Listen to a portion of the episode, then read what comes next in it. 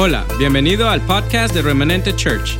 Esperamos que esta palabra te edifique y te inspire a acercarte a Dios. Disfruta el mensaje.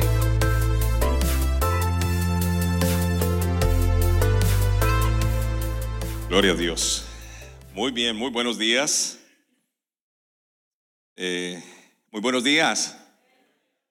La verdad es que me alegra poder estar compartiendo, tener este privilegio tan hermoso de compartir una vez más la palabra de Dios. Sé que Dios le va a hablar a usted como me habló a mí para poder preparar y poder exponer esta palabra que se llama olvidando y fructificando. Otra vez, olvidando y fructificando. Así que le pido al Espíritu Santo que toque su corazón. Esa es la historia de José, usted la conoce. José, el de la Biblia, hijo de de Raquel, la, la esposa de Jacob, la que más amó ese hombre, su hijo mayor, que tuvo en la vejez. Yo le voy a leer lo que he preparado para no perder ninguna de estas notas y entramos en la predicación. Entonces permítame leerle algo de lo que ha sido la vida de José y por qué nos va a servir en este momento. Permítame hacer una breve biografía de nuestro personaje principal para esta predicación. Espíritu Santo, calla mi boca. No sea yo hablando, Señor, sino tú habla a tus hijos, los que están acá cerca y los que están allí lejos, conectados a través de redes sociales. Háblales. Gracias por estar aquí. Gracias por esta palabra y lo que vas a hacer con ella. Amén. Permítame hacer una breve biografía de nuestro personaje principal para esta predicación que se llama José. Se llama José el, personaje. La predicación se llama Olvidando y fructificando. Estaremos hablando de la vida de José y de los nombres que él le puso a sus hijos. Jacob era el padre de José, tuvo doce hijos. Entre todos estos, José era su hijo favorito. La Biblia da dos razones por este amor especial. Primero, José era el hijo mayor de Raquel, la esposa amada de Jacob. Segundo, José era el hijo de la vejez de Jacob. Jacob dio a José una túnica de diversos colores y esta túnica llegó a ser un símbolo de su amor. Cuando los hermanos de José vieron que su padre amaba más a José que a ellos, lo aborrecían y no podían hablarle pacíficamente. La Biblia enseña que José soñó un sueño que sus hermanos llegaron para La Biblia enseña que José soñó un sueño que sus hermanos llegaron a aborrecerle más todavía. De hecho, José tuvo dos sueños. El primer sueño tuvo que ver con atar manojos en medio del campo. Este, en este sueño, los manojos de sus hermanos se inclinaron al manojo de José. El segundo sueño también indicó que algún día los hermanos de José se inclinarían delante de él. Esta vez el sol, la luna y once estrellas se inclinaron delante de José.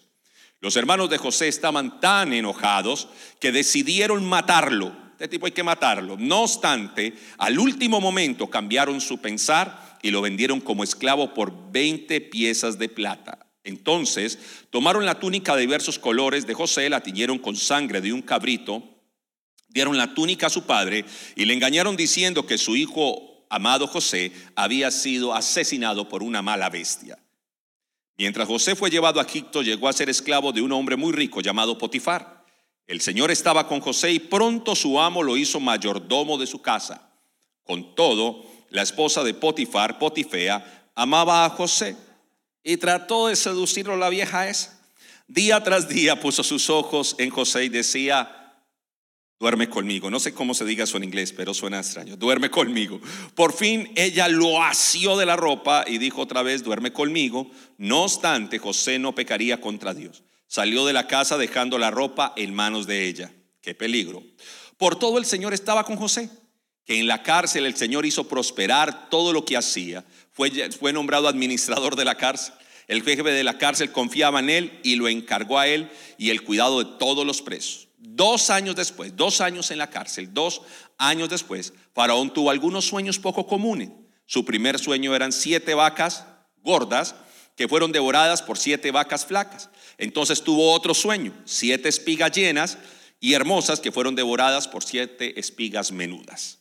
Estos sueños causaron que el copero se acordara de José, que también interpretó sueño para ellos, rápidamente José fue traído del calabozo, se afeitó, cambió su ropa, entonces dio Dios a José la interpretación de estos sueños. Ambos sueños tenían el mismo significado. Habrían siete años de gran abundancia seguidos por siete años de hambre.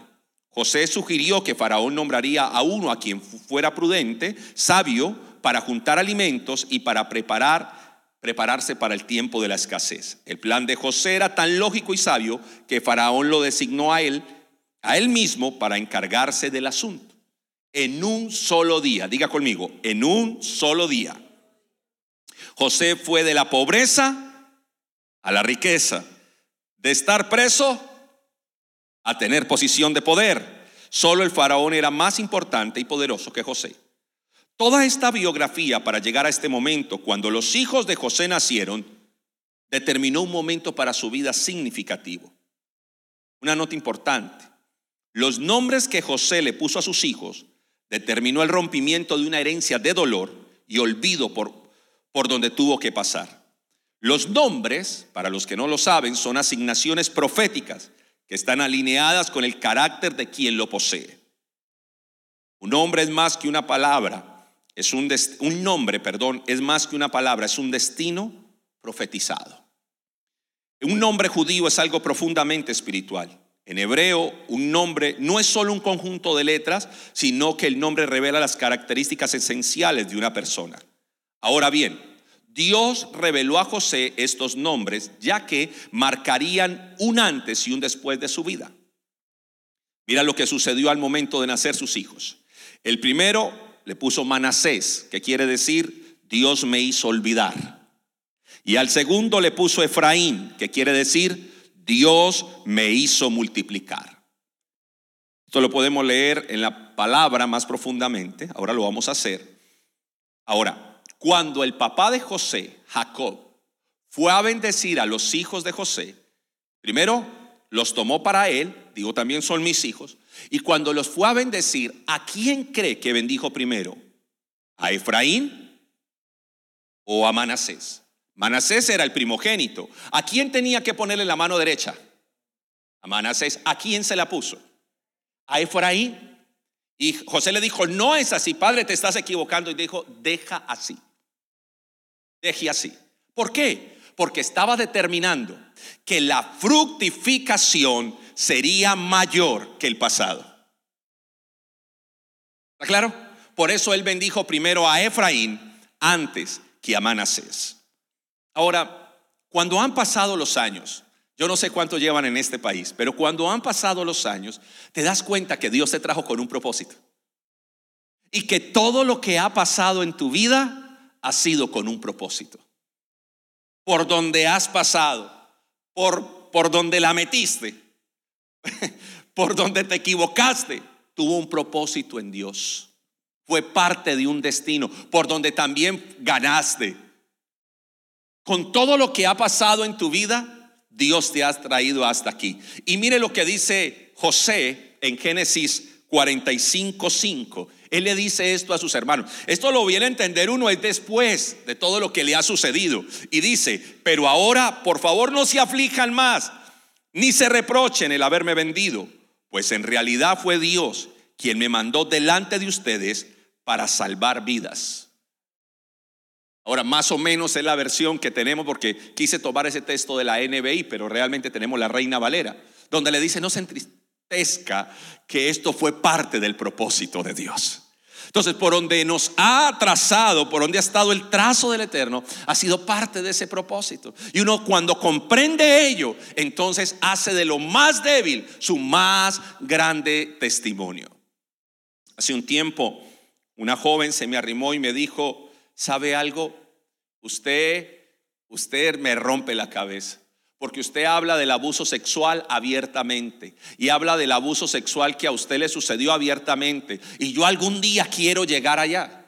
¿Recuerdan el joven que no tiene, o el varón, pastor creo, que no tiene brazos ni, ni piernas? ¿Cómo es que se llama, papá? Nick. Es así. Él hizo de su peor debilidad su más grande testimonio. Y hoy una conferencia de ese hombre, ¿cuánto vale, Carlitos? Vale plata. Entonces, ¿qué es lo que quiero decirle? De sus momentos más duros, de sus momentos más difíciles, ¿qué debe de hacer? Su más grande testimonio. Entonces dice la palabra en Joel 3:10. Por favor, mire la pantalla o sígame en su celular o abra su Biblia. Joel 3:10 dice, forjad espadas de vuestros asadones, lanzas de vuestras hoces. Diga al débil, imagínate eso.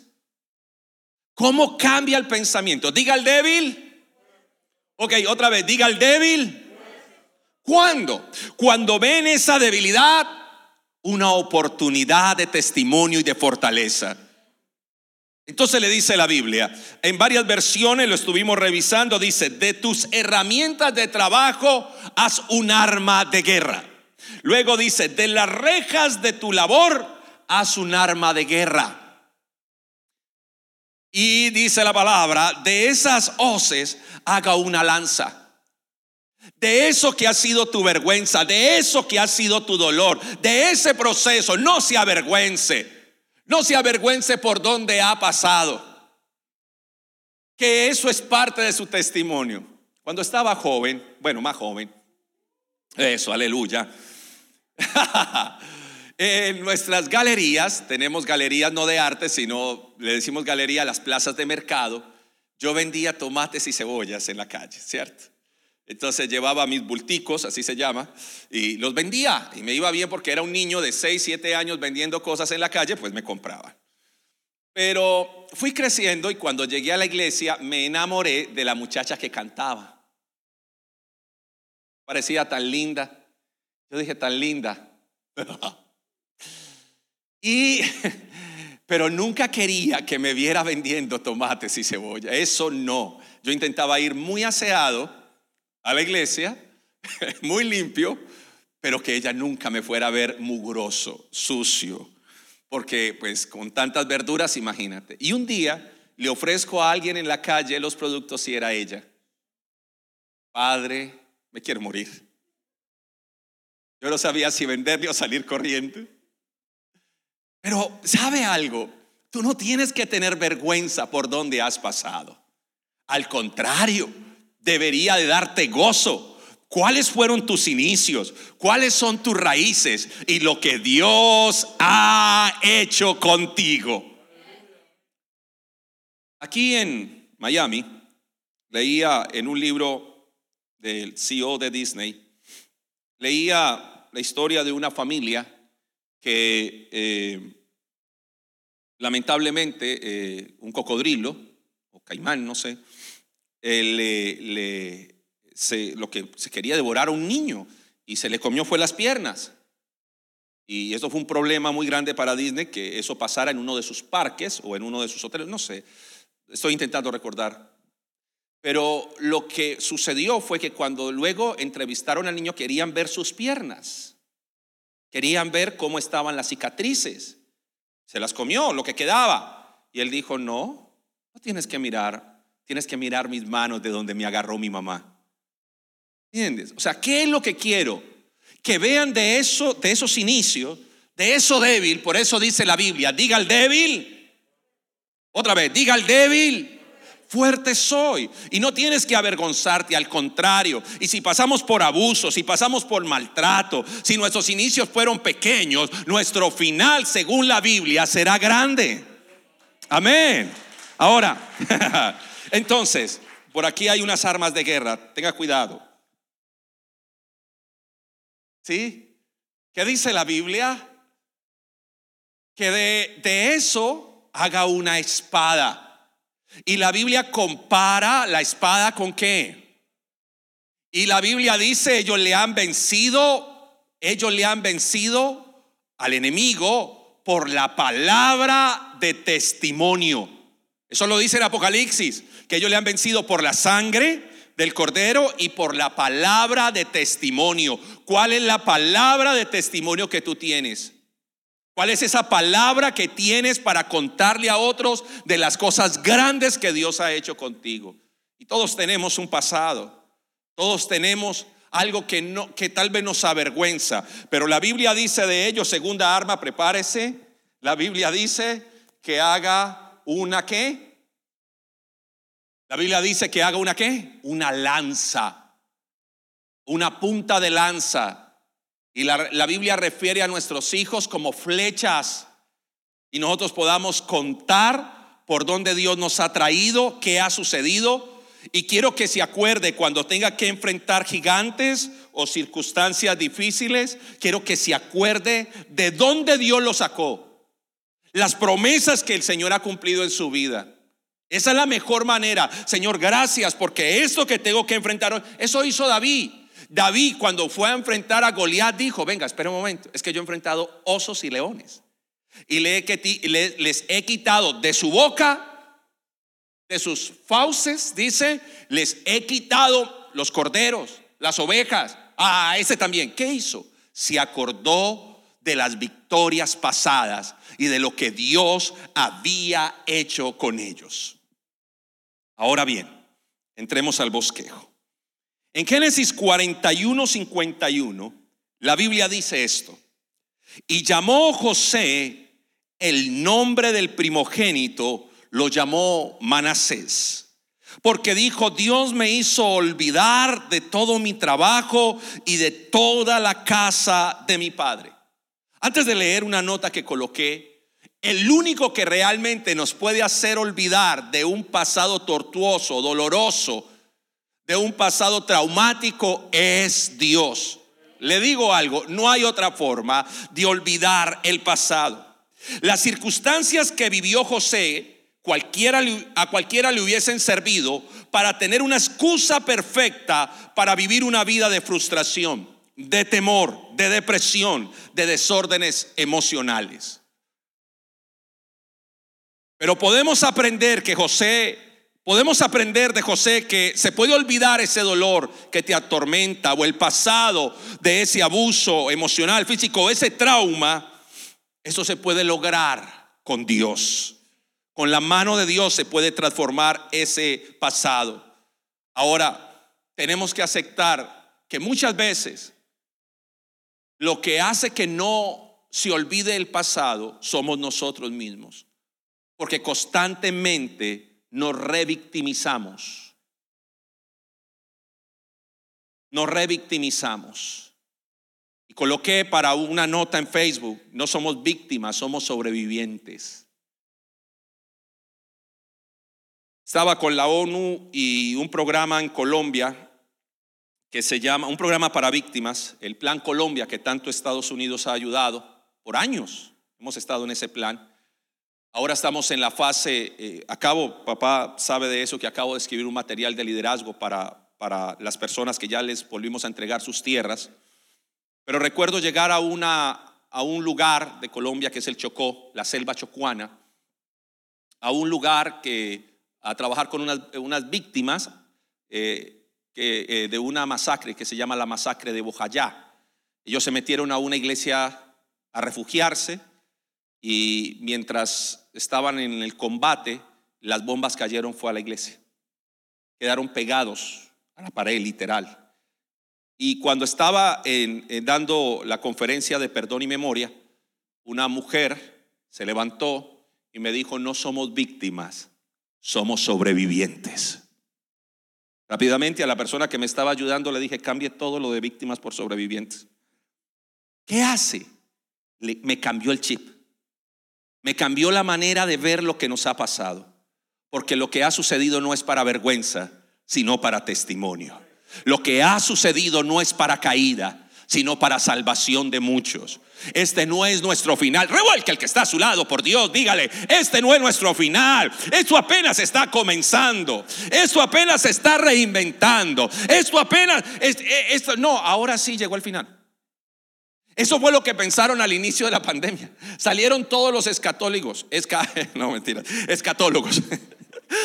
Y no, somos, nos gusta el apocalipsis y no hay problema, pero la gente en el show mediático quiso decir, empaque y vámonos que se acabó. No, señores, mira el que está a su lado, dígale, no, señor, no, no, no, no, no, no, no. Ahora la mejor temporada de Dios, la mejor temporada es la que viene. Para los hijos, ¿cuántos son hijos? Así que él dice, Dice José que le puso a su hijo que Dios hacía olvidar. Ahora la Biblia dice que olvidar debe de ser una determinación. Escúcheme por favor. Olvidar debe de ser una determinación. Dejar pasar.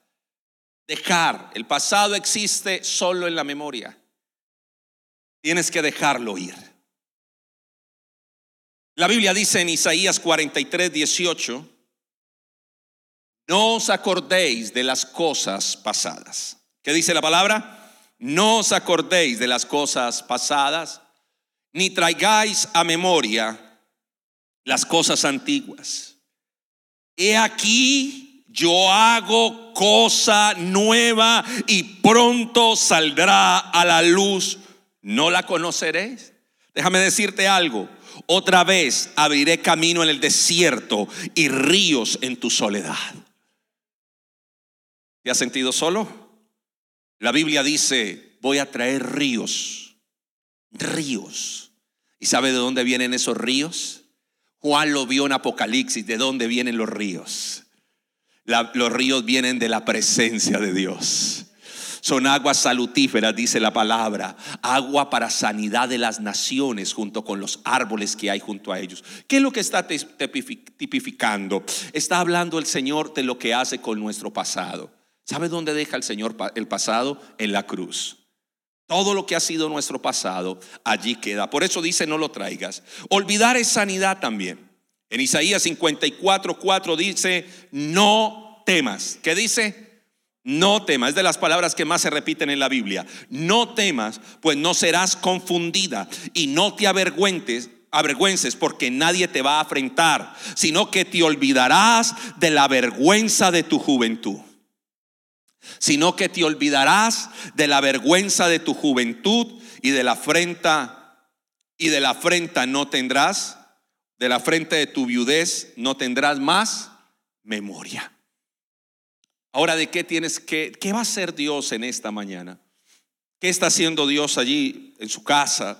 ¿Qué está haciendo Dios en mi vida? Lo primero, Dios te hace olvidar tu pecado. Lo voy a repetir. Dios te hace olvidar tu pecado. El pecado que usualmente las personas lo toman como un cheque en blanco para que otro lo cobre. El pecado que fue perdonado pero que las personas lo quieren volver vigente. Algunos son buzos que van a lo profundo de la mar a sacar pecados. Pero realmente la Biblia dice que Dios no, no así Dios que perdonó nuestro pecado. Le sumo a eso nuestra maldad, le sumo a eso nuestra rebelión y le sumo a eso nuestra iniquidad. Y llevó la consecuencia de él. Porque la paga del pecado es muerte. Él llevó la consecuencia de ello. De tal manera Él te hace olvidar tu pecado y lo que fuiste en el pasado. Ya no es tu presente. Diga conmigo, ya no es mi presente. Diga, el pecado no tiene vigencia en mi vida. Dos, el pecado de mis padres tampoco tiene vigencia ya en mi vida. De modo que si alguno está en Cristo, las cosas viejas, Él, él me ha redimido de toda maldición. ¿Cuánto lo creen? porque el pecado traía maldición. Él me redimió. Y cuando alguien quiera decir, mire, tiene vigencia, usted le dice, no. Porque en mi generación, en mi vida, la consecuencia de esa maldición vino hasta mi vida. Una vez me convertí a Cristo, esa maldición se rompe para que mi linaje sea linaje bendito de Dios. Amén. Ahora escuche esto. Dios te hace olvidar tu dolor. Dios te hace olvidar el dolor. Eso que sientes allí. Esa fibromialgia, lupus, cáncer. Recuerde que la parte de nuestro organismo que genera más serotonina es el colon. Por eso, y la serotonina nos ayuda como neurotransmisor a estar equilibrados, a una homeostasis, un equilibrio. Por eso cuando una persona tiene cargas emocionales muy fuertes, se inflama qué?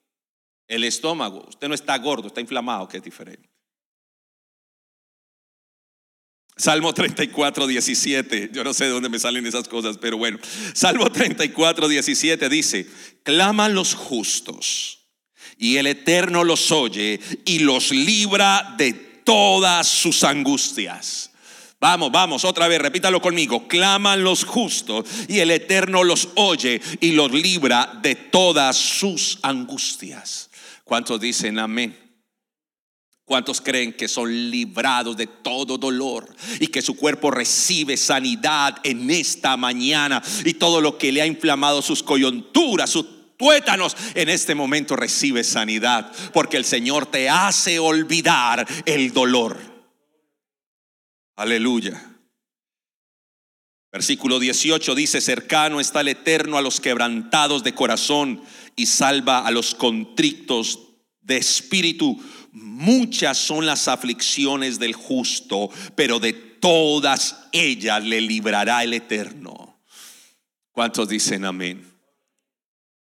Está recibiendo esa palabra, ¿verdad? Que me hace olvidar Dios el dolor. Dios me hace olvidar la vergüenza. El poder hablar de algo abiertamente sin vergüenza. No, no, no, no le estoy diciendo sin vergüenza, sino, usted me entiende. Sin, no, no una la palabra, sin vergüenza. No una la palabra, sino sin vergüenza. La Biblia dice en Isaías 54, 4, no temas, no serás confundida y no te avergüences porque no serás afrentada, sino que, porque hay personas, y yo quiero preguntarle esto, ¿cuáles son sus primeros pensamientos al despertar? Hay personas que les abrume, les angustia que alguien venga a enfrentarlos o avergonzarlos. Pero ¿sabe lo que dice la Biblia? No temas, pues no serás confundida y no te avergüences porque no serás afrentada, sino que te olvidarás de la vergüenza de tu juventud y de la afrenta no tendrás más memoria. Dios borra, quita tu vergüenza. Una cosa más, Dios quita tu frustración. Él es especialista en eso. Me siento frustrado me siento que, que esto no era, Dios lo quita. La Biblia dice que Dios tiene las mejores faenas para tu vida. Dios es especialista en quitar nuestra frustración. Puede mirarlo a través de la escritura. Por eso José dijo, Dios me hizo olvidar. Una cosa más que Dios quita. Ah, quiero, hay una palabra que quise colocar allí sobre frustración. Proverbios 15, 22. Los pensamientos son frustrados donde no hay consejo, mas en la multitud de consejeros se afirman. ¿Sabe quién es tu mejor consejero? Dímelo. Dios. Dice que enseña, usted está dormido y ahí le está enseñando. El hombre se alegra con la respuesta de su boca. Otra cosa que Dios te hace olvidar para que entremos en multiplicación, Dios te hace olvidar tus temores. Conocía a una mujer que le tenía temor a todo, pero una vez ella le entregó su vida a Jesús, sus em, temores desaparecieron. Hay personas, amados, llenos de temores. Es más, ellos se los pueden graficar y explicar, pero es hora de dejarlos atrás. El 80% de lo que usted teme no ocurrirá. Otra vez, el 80% de lo que usted teme no ocurrirá. Pero ¿qué hace el amargado? Queda el 20. Pastor, si ve, queda el 20. No, escúcheme. Escúcheme eso. Dios te hace olvidar tus temores. ¿Y sabe cómo? Te lleva a enfrentarlos. Dios enfrenta tus peores temores. Y Él dice, vamos, porque vas del lado del campeón. Amén. Salmo 34, 4, dice la escritura, Salmo 34, 4. Busqué al Eterno, Él me oyó y me libró de todos mis temores. Busqué al Eterno y Él me oyó y me libró de todos mis temores. Otra vez, busqué al Eterno, Él me oyó y me libró de todos mis temores. Los que miraron a él fueron alumbrados y sus rostros no fueron avergonzados. Este pobre clamó y le oyó Jehová y le libró de todas sus angustias. ¿Está recibiendo esta palabra? Quiero que salga diferente hoy. Es tiempo de olvidar. Hay una canción cristiana que dice, ya lo pasado, pasado, no me interesa. Ya olvidé. No puedo seguir cantando eso. Ahora escuche esto. ¿Cómo lo hace Dios? Le voy a enseñar. ¿Cuántas mujeres tienen aquí un hijo? Levante la mano. Un hijo. Ok. ¿Cuántas mujeres tienen dos hijos? Hijos, hijos, hijas. Ok, hijos e hijas. Niños o niñas. Presidente y presidenta. No, vamos. ¿Cuántos tienen un hijo? Bueno, ¿cuántos aquí tienen un hijo, verdad? Voy a hablar de las mujeres. Dos hijos. Tres hijos. ¿En serio? Cuatro hijos. René. Cuatro hijos. Cuatro hijos. Bendito Dios. ¿Dónde están los televisores? El iPad. Cinco hijos. Bueno, llegamos hasta cuatro hijos. Y uno dice, ¿cómo hace eso? De verdad. dicen que cuando una mujer está, cuatro hijos, ¿quiénes? Cuatro hijos, cuatro, ocho, ocho hijos. Padre, ilumínanos. Ahora, escuche eso. Cuando una mujer va a parir, dice que eso es como quebrar no sé cuántos huesos del cuerpo. Uno con una fiebre empieza, mi amor, ¿dónde te firmo? Cuida de los niños, mi vida. Pero una mujer, yo, yo digo, son locas. No, de verdad, ese dolor lo tiene y vuelve y tiene otro. La vieja esa tiene cuatro, cinco. Y uno dice, Dios mío, ahora la Biblia lo dice. Cuando la mujer va a parir, dice, Dios mío, pero cuando tiene su bebé, dice que el gozo es tan grande que se le olvida su dolor. ¿Qué es lo que le estoy diciendo proféticamente? Que el gozo del Señor, que dice que es su fortaleza, que el gozo será tan grande que olvidarás la vergüenza, el, el dolor, el temor, por donde, hasta el demonio, lo olvidarás por todo eso a causa del gozo que el Señor pone en tu vida. Por eso a su segundo hijo, acompáñeme por favor.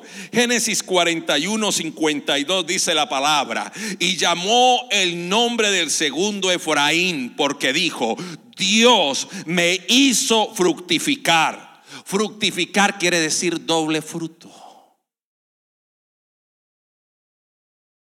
Dios me hizo fructificar en la tierra de mi aflicción. Ahí mismo donde lo vieron caer, ahí mismo lo verán levantar. Esas mismas personas que decían, ay, mirarlo, dirán, ay, mirarlo, de lo que Dios estará haciendo contigo. ¿Por qué? Porque es que esto no se trata de ti, se trata del que habita en ti. Ahora lo cantaban y decían, Jesucristo basta. ¿Qué decían ustedes ahora?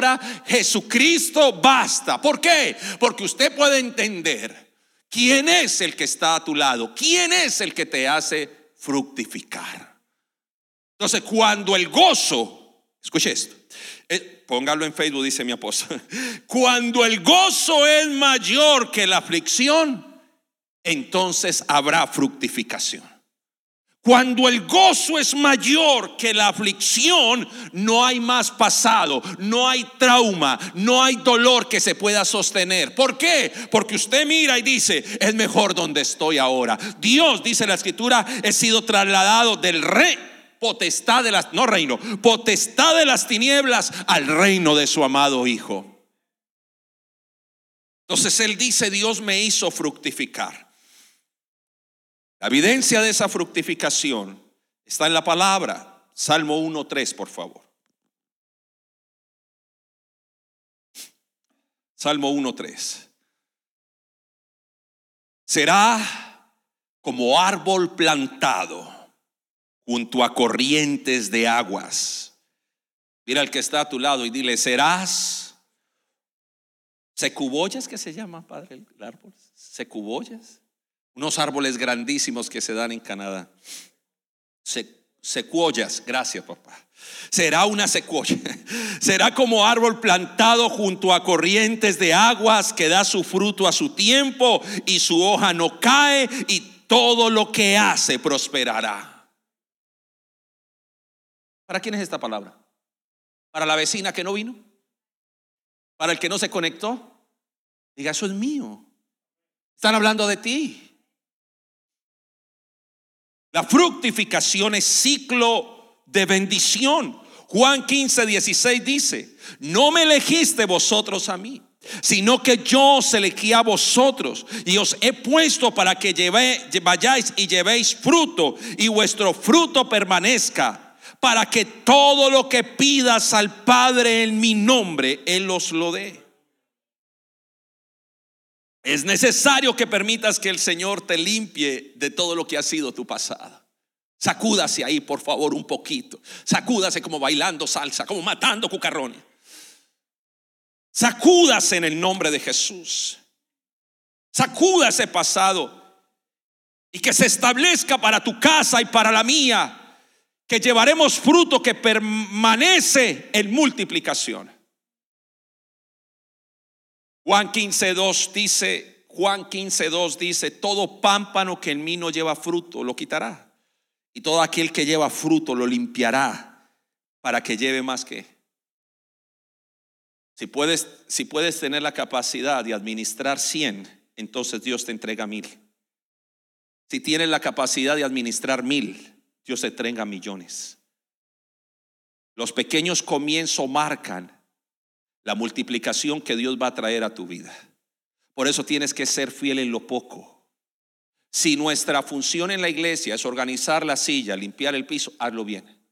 Hágalo con excelencia. Yo vendía antes leche, era técnico en procesos lácteos, es decir, lechero. Y David salió blanquito, o sea, era hijo del lechero.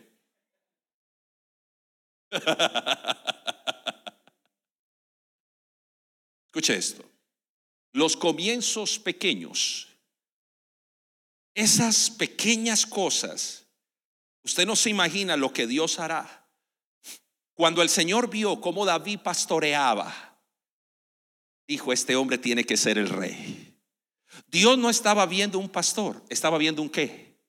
Un rey. Dios no está viendo la oruga, está viendo qué?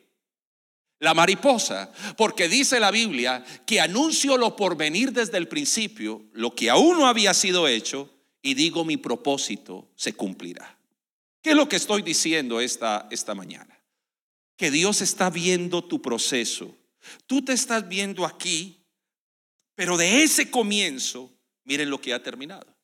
Dios te trae a esta tierra con un propósito que todavía ni conocías. Años después, Eres el apóstol de una misión.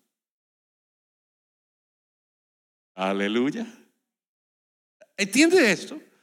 Los comienzos de Dios, por donde te ha traído y por donde estás pasando, no es más, sino para que veas todo lo que hará contigo y para que cuentes a los tuyos de las grandezas y las maravillas del Señor. Cuando llegaste a este país no sabías ni abrir la llave como yo dije, ¿por dónde se abre eso? Y empecé a voltearlo para todo lado. Ahora mire hasta dónde Dios te ha traído. Hasta dónde, dónde Dios te ha puesto. Ahora Dios te hace multiplicar en familia y esto lo profetizo. Profetizo que Dios te hace multiplicar en familia. El Salmo 68, 6 dice la palabra, Dios hace habitar en familia a los desamparados y saca a los cautivos. ¿A qué? ¿A qué? Vamos. Mas los rebeldes habitan en tierra seca. Pero me quedo con la primera parte de ese salmo. Dios lo hace habitar en qué? ¿En qué lo hace habitar? En familia. Dios hace habitar en familia a los desamparados y saca a los cautivos. ¿A qué? A prosperidad. ¿Cuántos dicen amén? Dos, piérdale el miedo a la riqueza, piérdale miedo a las finanzas. Hay dos textos. Uno que dice que he aprendido a estar contento en todo, bendecido cuando he tenido y cuando no he tenido, que lo dijo el apóstol Pablo. Y el proverbista que dijo, no me des mucho, poco, eh, para, no me des poco para, olvidar, para olvidarme, no me des poco para maldecirte ni mucho para olvidarte. Qué tristeza. Manténme con el pan necesario. ¿Cuántos dicen amén? No, no, no. No, no, no, no, no, no, ese está loco. No, no, no, no, no. ¿Sabe qué dijo el apóstol Pablo? He aprendido a estar contento, cualquiera sea la situación, en abundancia y no abundancia. En todo he sido bendecido y enriquecido, dice el apóstol Pablo. Ese me gusta más. Así que las finanzas es señal también de esa provisión. ¿Cuántos dicen amén? ¿Sí? Yo sé que por horas pagan aquí 16 horas, 20, perdón, 16 dólares, 20 dólares, 30 dólares, 40, y ahí van sumando. Pero ¿qué tal que usted le diga, Señor, manténme con el pan necesario? En el nombre de Jesús, amén. No. Diga conmigo, Señor, vamos, dígalo conmigo. Tu multiplicación en familia, en finanzas. Ahora, cuando Dios te las dé, no te olvides de quién te ha prosperado. Amén. Dice la Biblia, Deuteronomio 8:18, si no acuérdate de Jehová tu Dios, porque Él te da el poder para hacer las riquezas. ¿Sí? ¿Lo, toma? ¿Él te da qué? El poder para hacer las riquezas a fin de confirmar su pacto que juró a tus padres como en este día.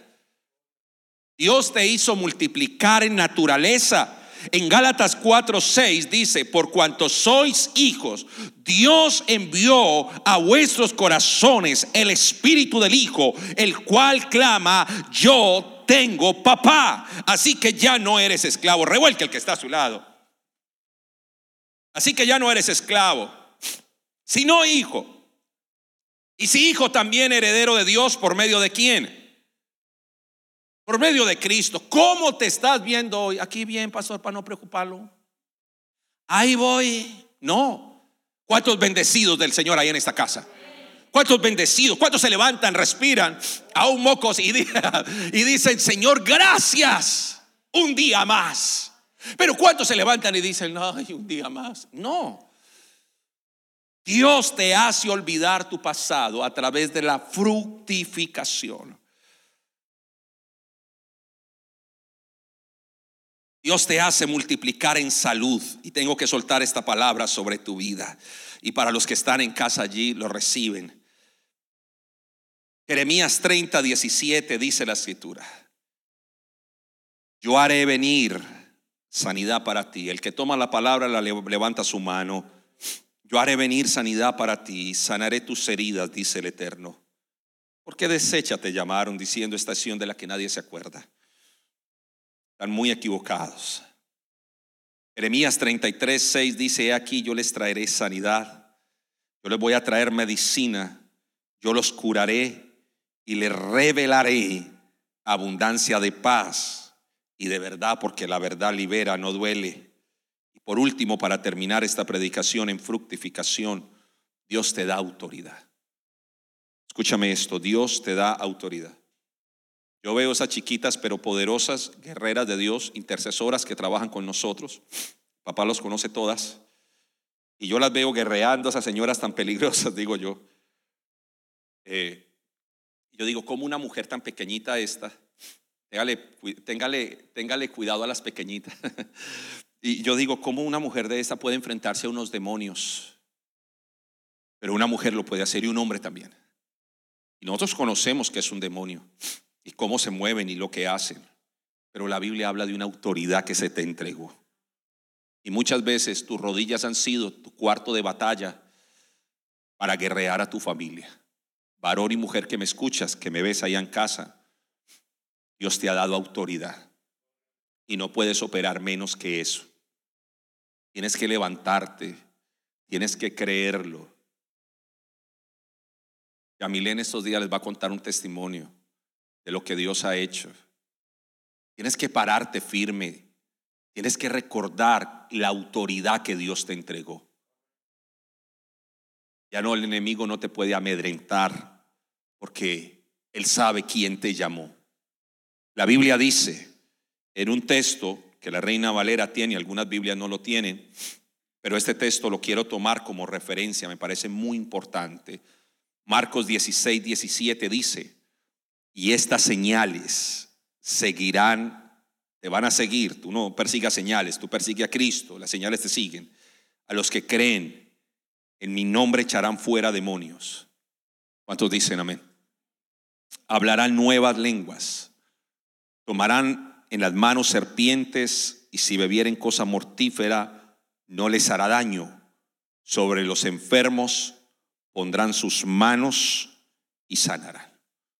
Dios te ha hecho fructificar en familia. Dios te ha hecho fructificar en finanzas, en naturaleza, en salud y en autoridad. Y valga, valga, valga la pena decir sobre la salud, porque todo lo podemos hacer con salud, pero sin salud ¿qué? ¿Qué podemos hacer? Nada. Por eso es tan importante tu sanidad. La sanidad es un derecho legal que te pertenece y debes de reclamarlo. Enfrenta lo que esté pasando y di, la sanidad es un derecho de hijos, la autoridad es un derecho de hijos, la salud, las finanzas y la familia. Así que a causa de esta fructificación, tu pasado perdió vigencia. A causa de lo que Dios te está entregando hoy, tu pasado no tiene más poder en ti. No lo tiene. ¿Cuántos dicen amén? Otra vez, a causa de esta palabra, no mi palabra, sino la palabra de Dios, tu pasado no tiene más vigencia sobre ti. Dios te ha hecho fructificar. Puestos en pie, por favor. Espíritu Santo. Espíritu Santo, gracias mi amado. Gracias mi amado, gracias, gracias. Gracias, mi amado, precioso Espíritu Santo. Gracias, Señor, porque tú has arrancado el pasado de nuestra vida y nos has hecho fructificar. Y más son los hijos que te amparan, más son los hijos que te rodean, más es el vientre fuerte y bendecido que las historias de dolor por las que has pasado más en lo que Dios está haciendo en tu presente que lo que viste en tu pasado.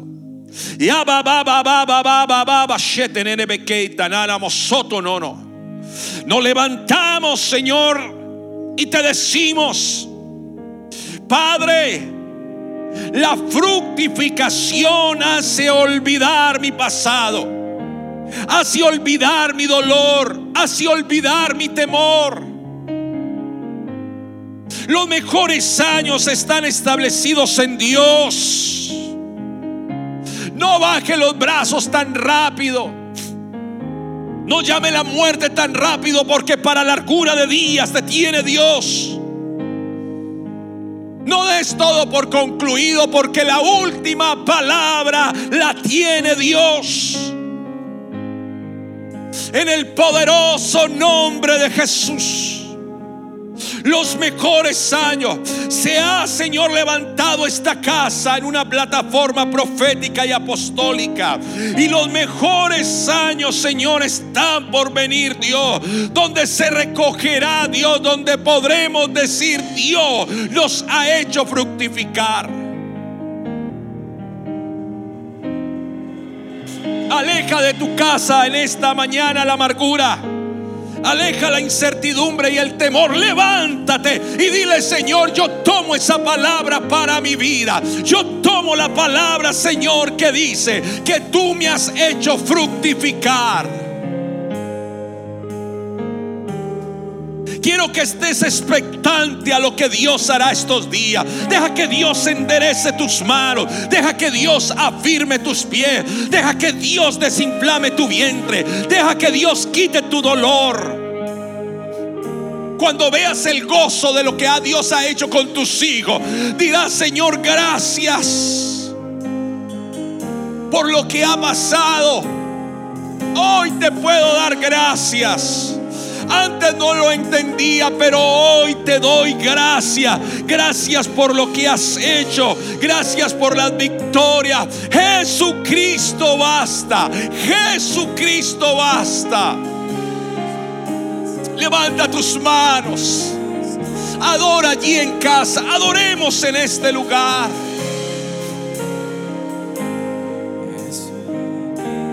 Adora, adora, adora, diciéndole gracias. Esperamos que este mensaje haya sido de bendición. No te olvides de suscribirte a nuestro podcast y seguirnos en Facebook e Instagram arroba remanente church.